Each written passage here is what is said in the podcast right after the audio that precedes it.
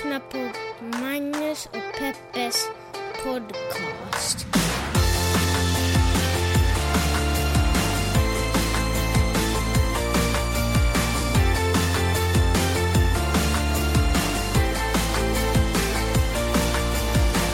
Hallå och hjärtligt välkomna vill jag att just du ska känna dig till vår podcast som heter Magnus och Peppes podcast. Eh, vilken vecka! Oscars och jobb, äh, nej, jobb, ja, jobb också i och för sig med resor och... I fredags, nej torsdags åkte vi upp till Reno. I shot a man in Reno just to see him die. För att slänga ut ett litet Johnny Cash-citat här Mm, i du, början av du podcasten. bland våra lyssnare är känd som en väldigt stor Johnny Cash-fan. så jag tror att eh, de uppskattar att du levde upp till den Dit bilden. åkte vi på torsdagen och eh, jag måste säga att du, du ville ju att vi skulle hyra en bil och jag gick med på det och eh, så körde du upp på gården med en jeep, en fyrhjulsdriven jeep. Och jag tänkte okej, jag vill liksom inte, jag vill ju uppmuntra dig att ta egna Att initiativ. spendera dina surt... Alltså du skulle åka upp dit och jobba och var det kul att se all inkomst du fick för det jobbet gå åt till eh, hyrbilen? Alltså jag bet mig i tungan så att nu ska vi inte skapa dålig stämning. Och så åkte vi upp då, vad kan det vara, 600-700 kilometer. Och de första snöflingorna började falla ner så sa jag som en riktig Los Angeles-bor säger jag var ett barn, kolla, titta det snöar, titta vad gulligt. Så körde vi 10 minuter och så var det snöstorm och den där, eh, det var så mycket snö att man skulle kunna stapla fyra mig på varandra. Okej, kanske inte fyra, men tre vid vägrenen. Alltså så otroligt mycket snö. Plus att det var jättehalt. Så kör vi lite till och så ser man en massa bilar som stannar och alla andra utom vi sätter på sig kedjor på sina däck. Vi bara hehehe. För att alla andra visste var de var på väg och förstod vad klimatet kräver. Och eh, det var ju otroligt obehagligt, Magnus. Jag var ju rädd att vi skulle köra ner för ett stup. Vi var ju högt uppe, vi var på 2000 meters höjd. Och jag tänkte att om vi nu, om det nu, om vi nu halkar ner så kommer vi alla dö. Ja, det, det är svårt att ta ett fall. Till och med i en jeep så är det svårt att ta ett fall på 2000 meter. Men som tur var var den fyrhjulsdriven och du tog oss ner från det här helvetesberget. Ja. Ja, Jag tycker det är fascinerande hur, eh, jag brukar ju säga att, eh, jag brukar ju säga, jag hatar när folk säger sådär. Som jag brukar säga att, smullebulleup eller poppetoike. Ja, men vilket fall som helst, att jag, jag har en så här stark bild av att livet är som ett hav. Man är på olika vågor och det gäller att bara bejaka de här ögonblicken. Och när jag stod där vid biluthyrningsfirman och funderade på, alltså när jag tittade på nätet, som är det nya sättet att stå vid biluthyrningsfirman och titta på bilar. Så var så här, fasken, det skulle ju vara skönt att ha en lite större bil med lite benutrymme för en gångs skull. Ingen tanke på att det också skulle finnas en väldigt praktisk orsak till varför vi skulle behöva den här bilen. Eh, Men precis som du sa, man kommer upp till någonting som till en början är taget ur en Disney-film. Några fotogen, eh, fotogenetiska, hur säger man? Photogenic, alltså... Det är svårt när en amerikansk liksom kommer och större en Nej, språk. men liksom photogenic. Sluta, var inte det töntig. Vilket vad som helst, men så här otroligt vackra och väldesignade snöflingor träffar rutan med ett litet ah, varenda gång. Eh, rådjur med enorma ögon står vid vägkanten och vinkar av en. Eh, och sen bara några minuter senare så befinner man sig i någon form av Helvete. terrorversion av eh, eh, The Walking Dead möter The Road möter Last Day Tomorrow eller vad det heter. Eller tänker nu på Last Week Tonight. men vilket fall som helst. Ja, men alltså det var um, sån jäkla lycka att vi hade den här, um, den här fyrhjulsdrivna bilen. Tänk om vi skulle ha sladdat omkring där med vår lilla BMW, bakhjulsdrivna BMW. Ja, men där visar det. Tänk om jag hade liksom, när jag stod och funderade på vilken bil, bara, nej, hör du. Magnus, skärp dig. Det är klart att vi tar vår egen bil. Det hade ju varit skiten. Därför tror jag att det är så otroligt viktigt att gå på sin intuition. Jag tror att intuitionen verkligen kan öppna upp vägen för överlevnad i det här fallet. Men verkligen eh, bra saker. Sen måste jag säga att vi hade ju researchat ganska dåligt kring klimatet i Reno. Jag Mm. hade gjort mycket research på Teslas gigafabrik, men du och Vidde hade ju inte ens med er ytterjackor. Ja, nej, nej, men det var ju inte så mycket. Jag visste ju att det skulle vara snö där. Faktum är att jag hade ju planerat att vi skulle ta motorvägsrutt eh, där det troligtvis är mer uppskottat. Liksom, sådär. Så att jag hade liksom kollat med lite föräldrar. Ville inte gina över berget. Sen råkar ju du vara en, eh, liksom, eh, en, kar, en, alltså en kartanalfabet. Du har ju ingen känsla för riktning, kartor och någonting. ursäkta nu, men... Nej, men ska du, kommer du på riktigt tjafsa emot mig på det här? Ja. Kan du inte bara erkänna att du det är så är... dumt att du dissar mig, för följande dag Men Peppe, skulle, skulle du läsa du är gatan ma- och du- då gick det åt helvete. Det gick inte alls Och jag bet mig jättemycket i tungan där igen för att inte påpeka att, Det är som att- vem är det som är en kartanalfabet Det är här? som att större delen av ditt liv går ut på att bita dig i tungan. Ja, Peppe, jag lever med dig. Peppe, du, är, du kan inte läsa kartor. Kan jag Du visst. kan inte ens titta på en GPS, höra när den säger åk vänster och säga, upprepa det till Men mig. ursäkta nu, jag följde exakt Men GPSen. Det här var den här. snabbaste vägen. Vi behöver det inte stod om det bara här, inte på. GPSen att vi skulle upp till 5000 feets Du är en höjd. fantastisk författare, du är otroligt duktig eh, journalist och eh, mor. Eh, du ser otroligt bra ut och har så otroligt mycket kompetenser. Kartläsning är inte en av dem. Det är okej. Det är helt okej, Peppe. Det är helt okej. Vi åkte i alla fall upp, vi kom i alla fall fram till Reno.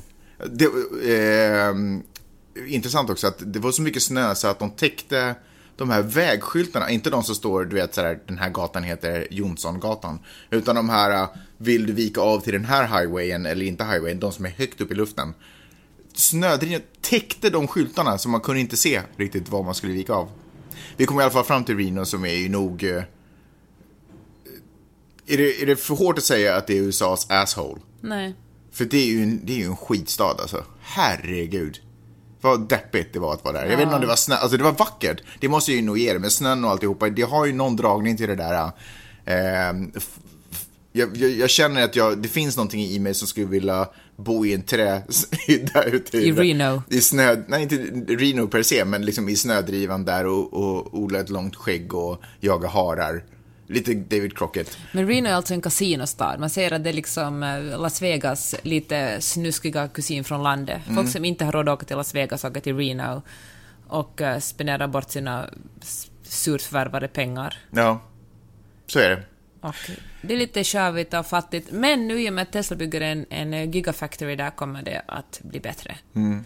Men hör du, det om det, sen åkte vi till San Francisco också, ska vi tala om det kort? Nej, och sen så bilade vi ner. Ja. Eh, Men och det så som, mycket bilande. det som jag vill tala om är... Får jag bara säga effekten, eller reaktionen på tjejen som tog emot bilen som jag kom tillbaka med. Alltså efter att bilen hade plöjt genom snö. Alltså vi, vi hyr den i Los Angeles. Så det är en vacker solig dag.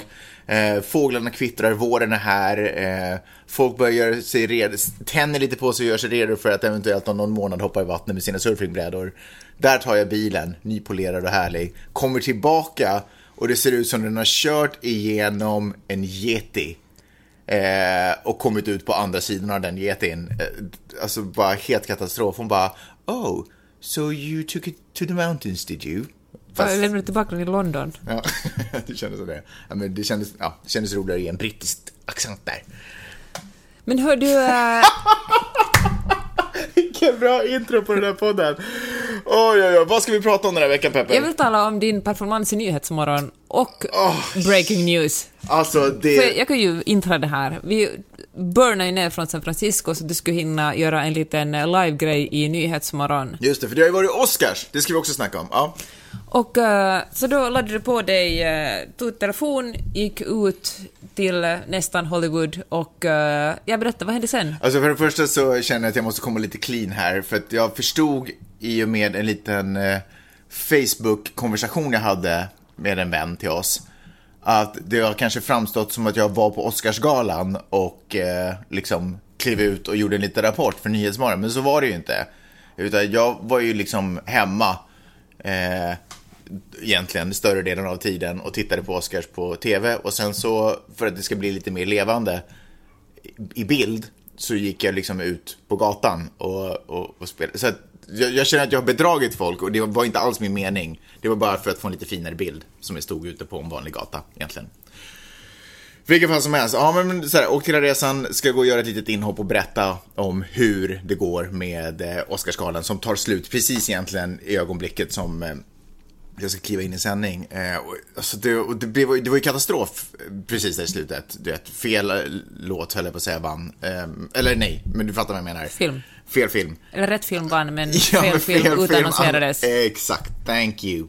Eh, och eh, liksom eh, hela hysterin, bara exalteringen av att det faktiskt hände någonting som jag kan rapportera om. Så himla glad att vara med. Plus att jag gjorde ju tidigare ett inslag i, eh, ett inhopp i liksom, Nyhetsmorgon. Och då kände jag att när jag tittade på det i efterhand att jag, jag är inte sån där. Jag har mer energi, jag är mer positiv. Fast det andra inslaget handlar ju om de här Jo, det- bränderna. det handlar om det skulle vara bränder, jättekonstigt om du Ja. hoppa in och vara superglad Fair över att enough. Kalifornien brinner upp. Fair enough. Eh, Men jag kände att den sortens inslag är inte för mig. Förstår du vad jag menar? Mm. Jag vill göra saker som är såhär, wow, fasiken vad, nu är det Mm. roligt. Svenska folket, häng med. Liksom, jag, vill ha, Ja. jag vill ha filis och vibes, liksom. Good vibes, det vill säga. Eh, så jag kände att det här, nu, det här var min chans liksom. Nu kan jag bara köra på, positiv energi, superhypad, jätteglad att få vara med och göra den här grejen. Eh, och som sagt, det hade hänt mycket där så att jag hade någonting att rapportera. Du kan väl lägga upp det här klippet på vår Magnus Peppers podcast Facebook? Det kan jag absolut göra. Säger eh, i, i, Fyllan villan, höll jag på att säga, säger fel namn på filmen, säger Moonshine, när den naturligtvis heter Moonlight. Eh, på den filmen som vann årets bästa. Du vet alla våra kompisar kallar det Moonlight. Det, Nej, ja. Moonshine menar jag. Okej, det är svårt. Det är svårt att se skillnad på de två. det må vara hur det var med den grejen. Alla verkade ändå vara ganska nöjda med, med min rapportering. Vi får se om jag får nya uppdrag därifrån. Men, men jag var i alla fall glad och nöjd. Jag tyckte att fine, ibland blir det fel, whatever. Liksom. Jag, jag, jag tar inte så mycket stress för det. Naturligtvis ska jag nästa gång försöka säga saker och ting korrekt, men i alla fall. Dagen efter så hade jag ett nytt uppdrag. Och det var för eh, Breaking News, som, eh, alltså Filip och Fredriks eh, program, som går på femman, tänker jag. Eller någonting liknande. Och den här gången så var de uppdelade. Filip var här i Los Angeles och Fredrik var kvar i Stockholm. Så de gjorde liksom en sändning där de hade live-länk emellan. Så de behövde någon på plats i Los Angeles som kunde liksom stödja Filip eh, i, liksom, i programmet. Och, och jag fick äran att göra det, så jag var där. och eh, i Breaking Bad, nej förlåt, Breaking News. Herregud så det är svårt för dig med ord, Magnus. Men nu igen att jag är så exalterad för det är så himla roligt. I Breaking News har de ett segment där de säger bara bom, bom, bom, det här är de stora bulletarna just nu. Och så står jag där och så lyssnar jag när Filip drar de här. Och så hör jag att han beskriver mitt inslag i, från gårdagens Nyhetsmorgon, eller egentligen samma morgons Nyhetsmorgon. Eh, han bara, vem är denna man som rapporterar uppenbarligen hög på kokain och tror att filmen heter Moonshine som egentligen betyder hembränt liksom. Och jag bara, nej, det här är inte sant, jag vet inte vad jag ska göra. Mina snabba tankar var så här, ska jag låtsas som att jag inte, du vet, det är inte jag? Ska du bara åka hem? Eller ska jag bara räcka upp handen och bara hallå det är jag? Eller vad ska jag göra? Eh, Filip hade, som ändå står och rapporterar, han hade inte fått sett klippet innan. Han, visste, han hade fått den här informationen från Stockholm så han typ läste bara av ett papper. Så när sen klippet spelas upp och han ser att snubben i tv-rutan framför honom är samma snubbe som står på andra sidan bordet och tittar på honom just nu. Så den minen, vad fan är obetalbar. Och det roliga är att Filip vet ju inte än idag eller vad jag heter. Så att han bara, han får liksom inte ur sig att sådär, äh, för jag var liksom ny i gruppen där. Så han får inte ur sig, vad fan det är ju Mange, du vet, eller du vet, eller något sånt där. Utan han bara, men han, det han är ju här! Det är så han bara pekar på skärmen och bara helt till sig tills han bara såhär, okej shit, eh, det är ju sjukt, vi måste ju, du måste ju komma hit nu. Eftersom du är här så du måste, du, jag måste ju prata med dig här nu. Hur kändes det då? Det var roligt. Fak- Faktum är att det är ju, vilken flax att jag var där. Alltså, för att annars så hade jag bara varit ett miffo som, som, som de anklagar för att vara hög på kokain. Äh, men anklagar, men du vet, det var ju skoj liksom, så Ja. att jag hade inte tagit illa vid mig så. Men du vet, miffo uppenbarligen hög på kokain och bara inte vet skillnaden på filmen Moonlight och spriten Moonshine. Så jag hade, vilken tur att jag var där och kunde bara åtminstone ge det en chans att presentera mig själv som en Hur vettig skulle och du normal människa. beskriva Philips min? Alltså det, alltså hans, det, det var som att... jag vet inte riktigt hur jag ska beskriva det. Det var fan det sjukaste jag sett. Det var så roligt. Han bara... Det, det var som att han liksom... Alltså jag, jag, jag vet inte.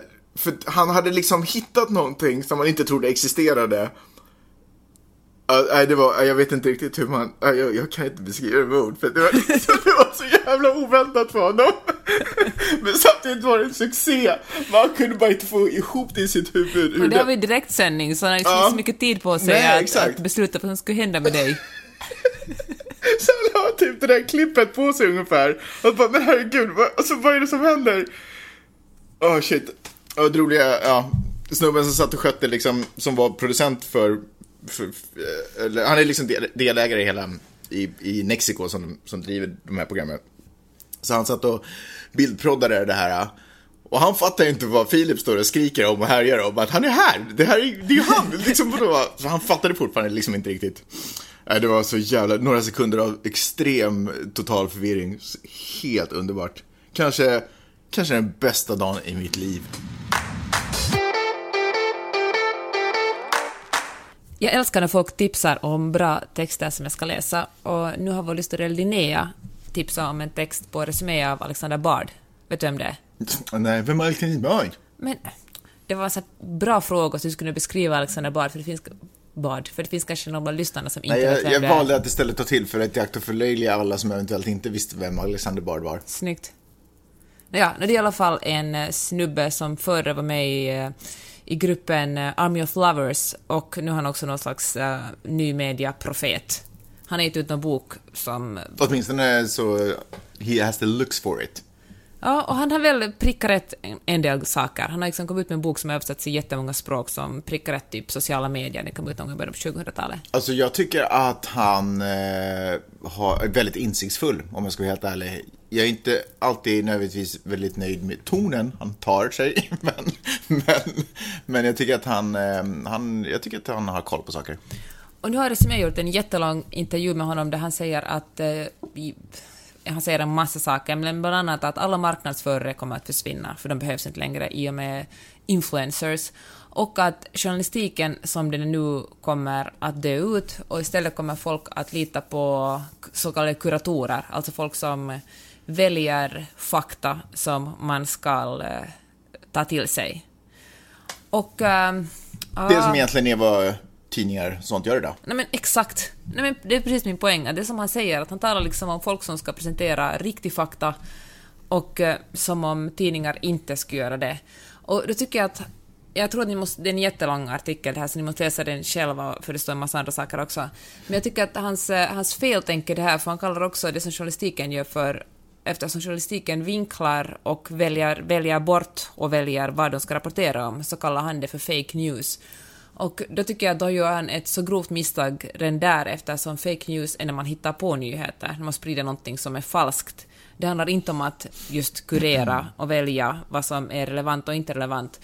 relevant. Och då missar han hela journalistikens betydelse, för att eh, proffs, professionella journalister, alltså inte folk som bara jobbar på Breitbart eller, eller liksom folk som skriver krönikor, eller jobbar på en eh, morgonshow. Bara för att man jobbar som programledare betyder inte att man är journalist. journalist. Utan till exempel jobbar man som nyhetschef på en eh, dagstidning eller på en nyhetssändning i TV, då är ens jobb att avgöra är det här en relevant nyhet, är det här inte en relevant nyhet, hur ska vi vinkla den här nyheten?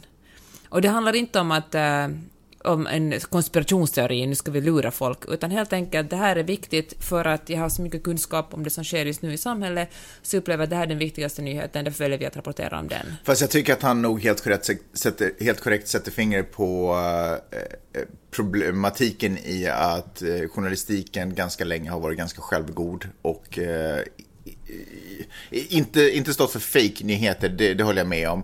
Men, eh, men precis, han tar ett exempel på att liksom, förr i tiden så tog eh, den gamla damen på Östermalm upp sin Svenska Dagbladet och satte sig och läste sin tidning och i den stod det ganska lite om problematik i Tensta eller, du vet, eller i förorter och sådana saker. Och, och det, det liksom, jag tycker att det visar, eller eh, han har rätt i att man vänder sig till de nyheter som bekräftar ens egen världsbild. Eh, och det tycker jag kanske inte att journalistiken har jag tycker Fast kanske journalistiken jag- har kanske hjälpt till där. Fast när, man säger, när du säger sådär så tycker jag också du tänker fel eftersom eh, jag kan hålla med om att, att om man liksom pickar lite mer höger, att man då kanske väljer svenskan istället för DN. Men att säga att, att, eh, att nej, han- dissar också liksom alternativ, vad, heter alternativa, inte alternativa fack, vad kallar liksom alternativa Han- medier. Ja, Han dissar ser- rubriceringen alternativa medier.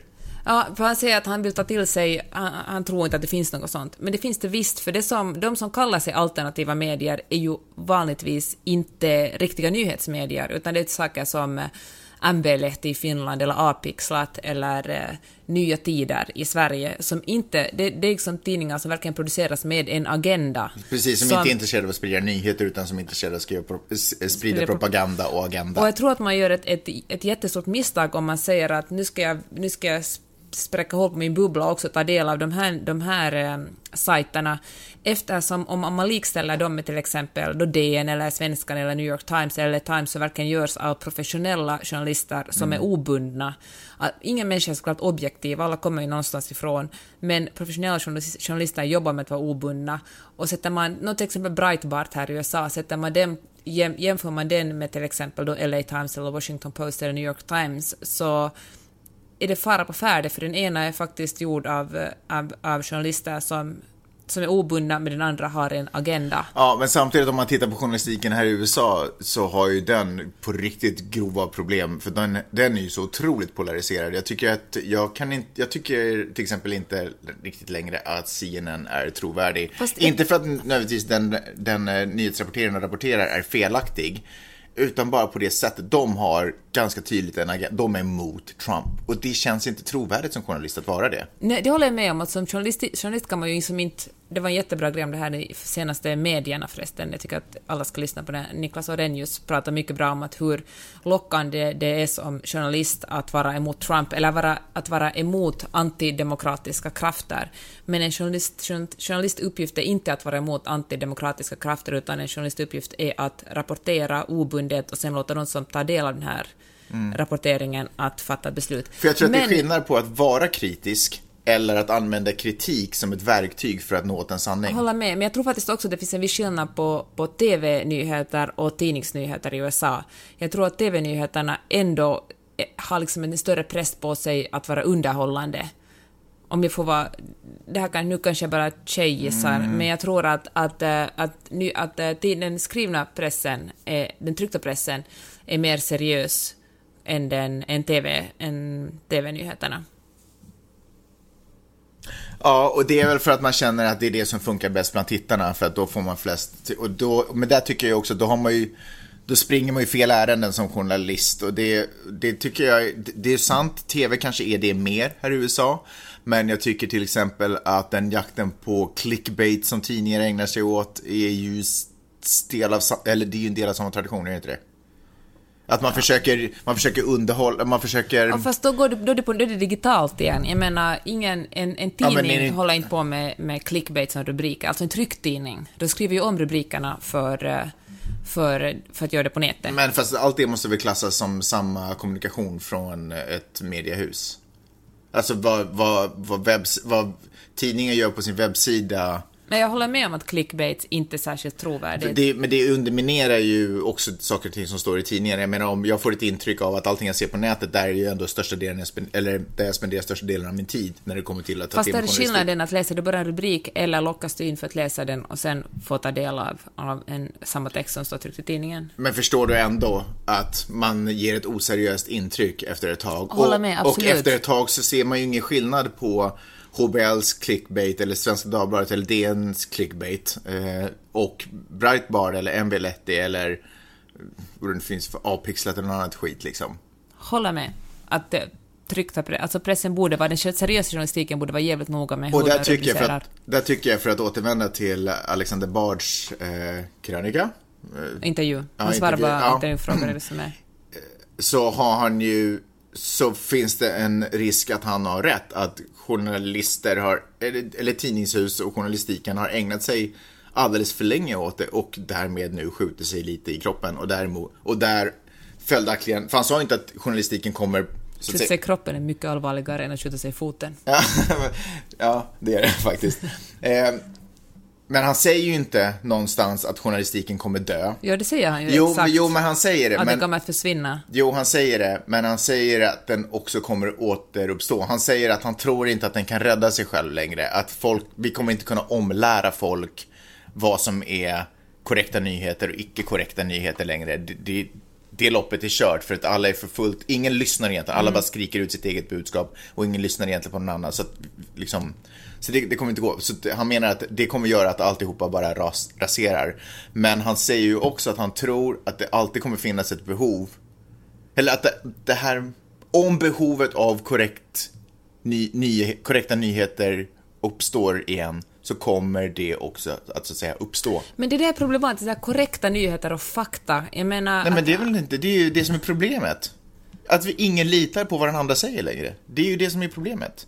Det håller jag med men det han säger att, att journalister inte levererar fakta, det är ju det som... Okej, okay, du menar att, att, eh, du menar att Breitbart... Men det spelar ingen roll om, om Svenska Dagbladet gör det, om jag inte tror på det. Mm. Det är som med pengar. Om jag inte tror på värdet på pengar, då har vi ett problem. Allting bygger ju på att jag litar på vad New York Times det är ju enda anledningen till att jag läser Sen till saken hör ju, kommer ju, de, saken hör ju att, att New York Times, LA Times, Washington Post, deras upplagor har vuxit i och med Trump. Folk har verkligen börjat prenumerera mer på dem. Mm, ja, precis. Fair enough. Men eh, som Alexander Barr också säger i den där intervjun så är det ju inte... Det, är ju, det, det var du som tog upp den här intervjun. Det är ju inte den stora massan ändå som supportar. Det är ju det är ju en viss klick, det är ju vi som är så här holy shit, det vi värderar högt i vårt samhälle håller på att gå under. Vi mm. måste stöd, stödköpa. Det tar de väl också upp i den här medie... Nej, vänta, det var någon annan podcast som vi lyssnade på som pratar om det här att man kan bojkotta och bojkott. Just det. Så det är ju det vi gör. Vi försöker ju visa vår support mm. till ett mm. viktigt demokratiskt verktyg. Liksom. Eh, så det är ju inte, det är inte en hållbar lösning.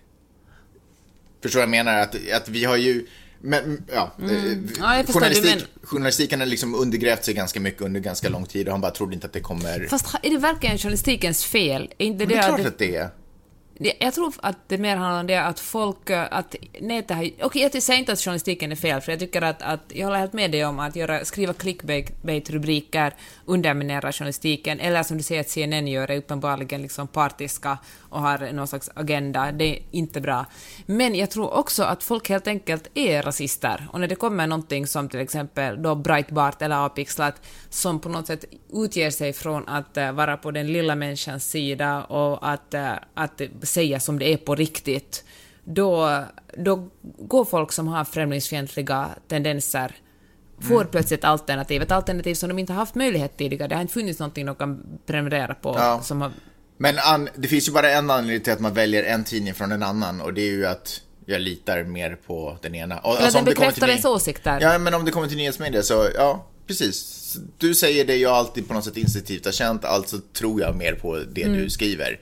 Och då är det ju någonting fel på det här andra tidningshuset. Då har ju de misslyckats i sin kommunikation. Nej, det tror jag inte. Jag tror tvärtom det handlar om att den här människan ska vara främlingsfientlig oberoende. Mm. Men den har inte haft någonstans att gå tidigare. Och jag tror att det helt enkelt handlar om att folk inte vet hur att vi har misslyckats i att utbilda folk i hur medier fungerar, vad en journalist är. Eh, jag tycker att, ja, så kan man säga, men jag tror att det faktiskt, eh, vi behöver inte bråka om det, men jag tror att det handlar om att vi har missbrukat eh, journalistiken. Det har varit för bra för länge och missbrukat den positionen. Eh, och öppnat upp för möjligheten för att folk tappar förtroende.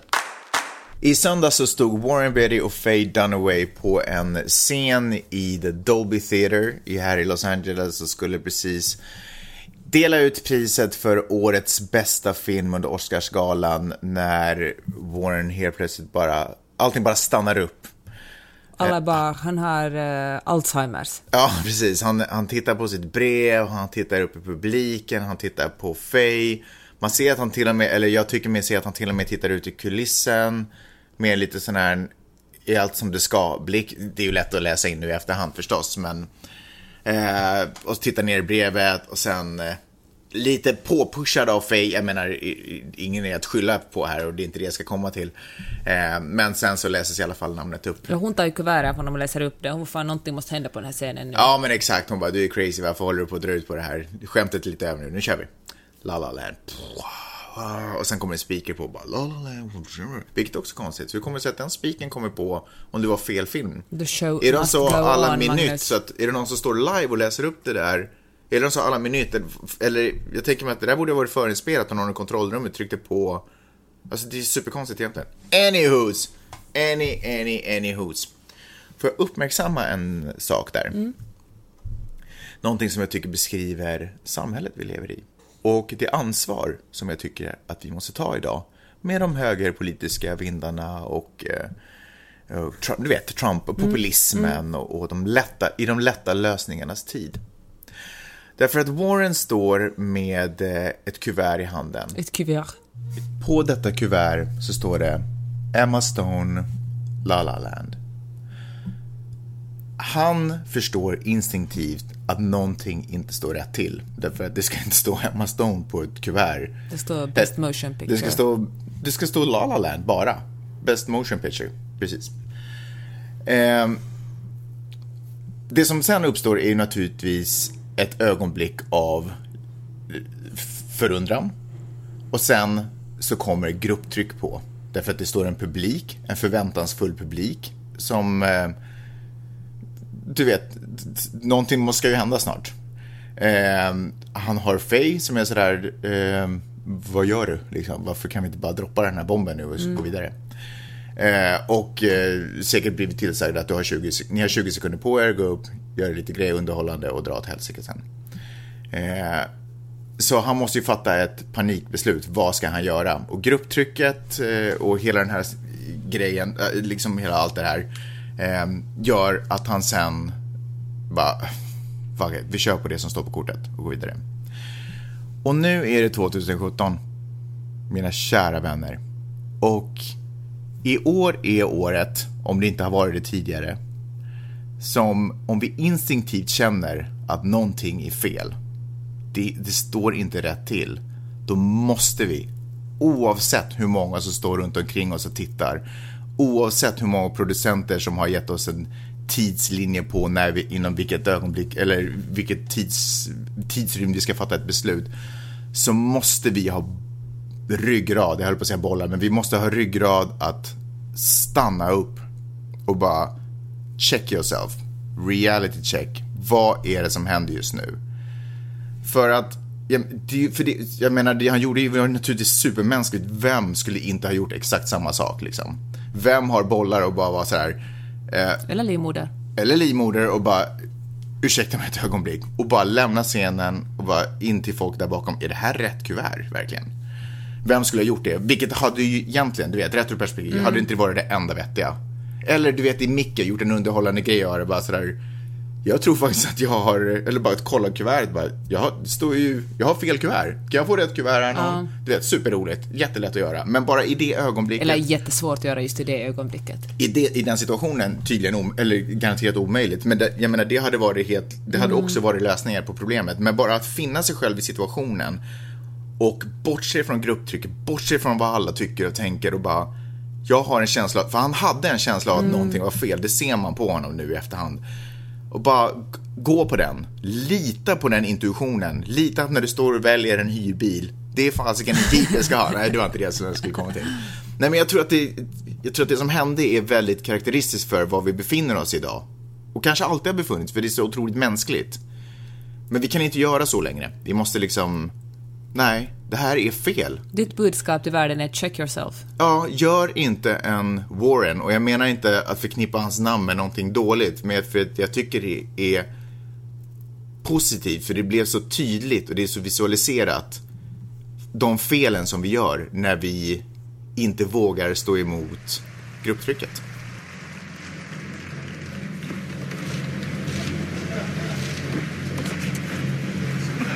the Academy Award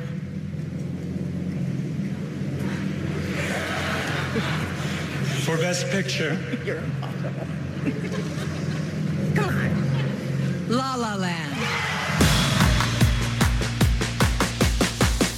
Hej! Har du frågor och kommentarer så kan du mejla min mamma och pappa på Magnus och Peppe gmail.com. Gör det!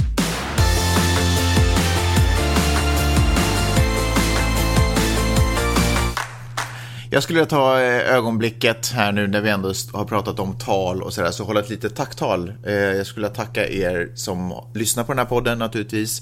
Eh, ni som skriver in till oss och säger snälla saker, det betyder otroligt mycket. Och naturligtvis ett extra stort tack till er som betalar för den här podden, för tro vad ni vill, den är inte gratis.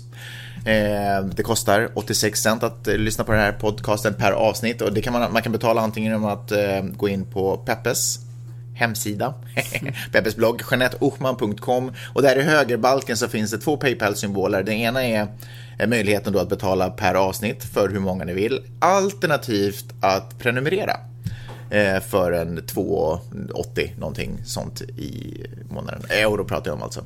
Och ni som absolut inte har råd att betala drygt 2 euro i månaden kan betala genom att ge oss en recension och stjärnor på iTunes och sprida den här podcasten. Tipsa era vänner, tipsa sociala medier, tipsa per mail till exempel. Ja, det betyder otroligt mycket och jag är så otroligt tacksam för eh, ni som har gjort det. Eh, och jag ser fram emot ni som ännu inte har haft möjlighet att göra det, att ni gör det också.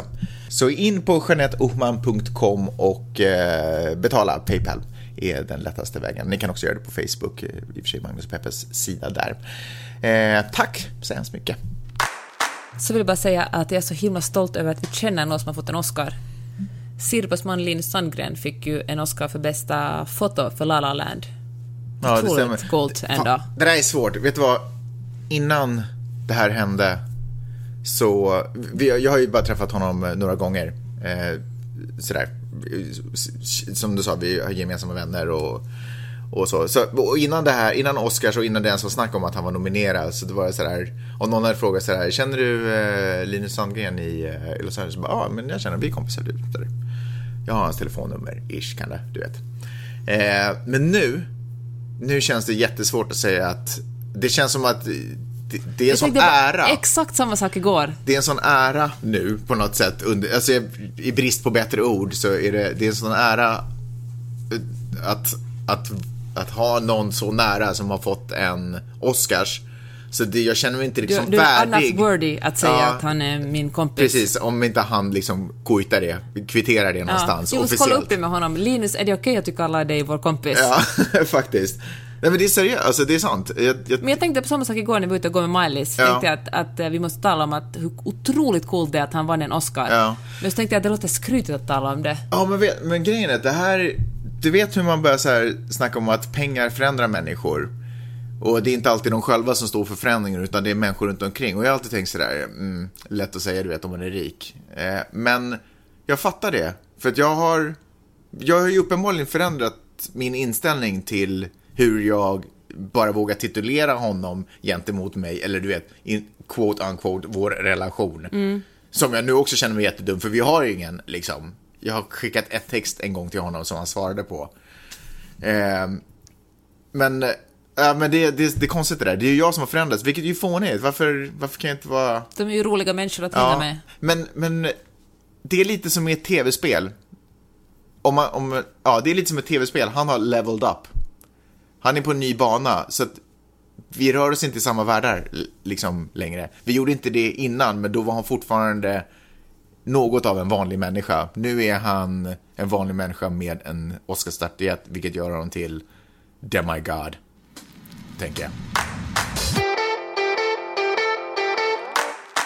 Ja du Peppe, vilken jäkla vecka det har varit. Så eh, det har varit en bra vecka, jag är otroligt nöjd med den här. Eh, jag håller ju, alltså bara en annan liten kuriosa, jag håller ju på och klipper eh, Gunilla Persson från Svenska Hollywoodfruar, hennes podcast.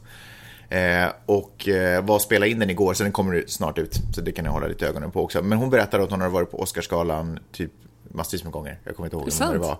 Alltså, sj- sjukt. Alltså, de, alltså det, va? Mindblowing för mig. Jag vet inte varför, men Oscarsgalan är... Det är... Det, sk, det skulle Ska vara... inte du sätta som målsättning att nästa år du vara där? Men herregud, hur ska jag komma in? Alltså en Tänk biljett som kostar Elon typ... Musk, hör du. Jag tror... Eh, vet jag, känner att jag Sky is the limit liksom. Jag känner att jag måste namedroppa ännu mer nu, men jag skjutsade Rolf Lassgård häromdagen också till den här eh, Breaking News-sändningen. Eh, gud vad, vad patetiskt att jag håller på att namedroppa, men alltså också det, mindblow, vilken, um, vilken man.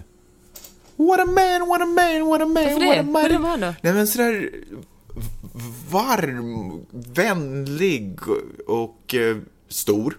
Men jag vet inte, det kanske hjälper psykologiskt på något sätt. Och ehm, jag känner mig bara så trygg i bilen. Eh, jag kommer inte ens ihåg vad jag skulle säga. Skjutsade honom i vår lilla, lilla bil. Eh, Jo, nej, men det var det jag skulle... Ja, i vår lilla, Rymdes lilla in bil. där?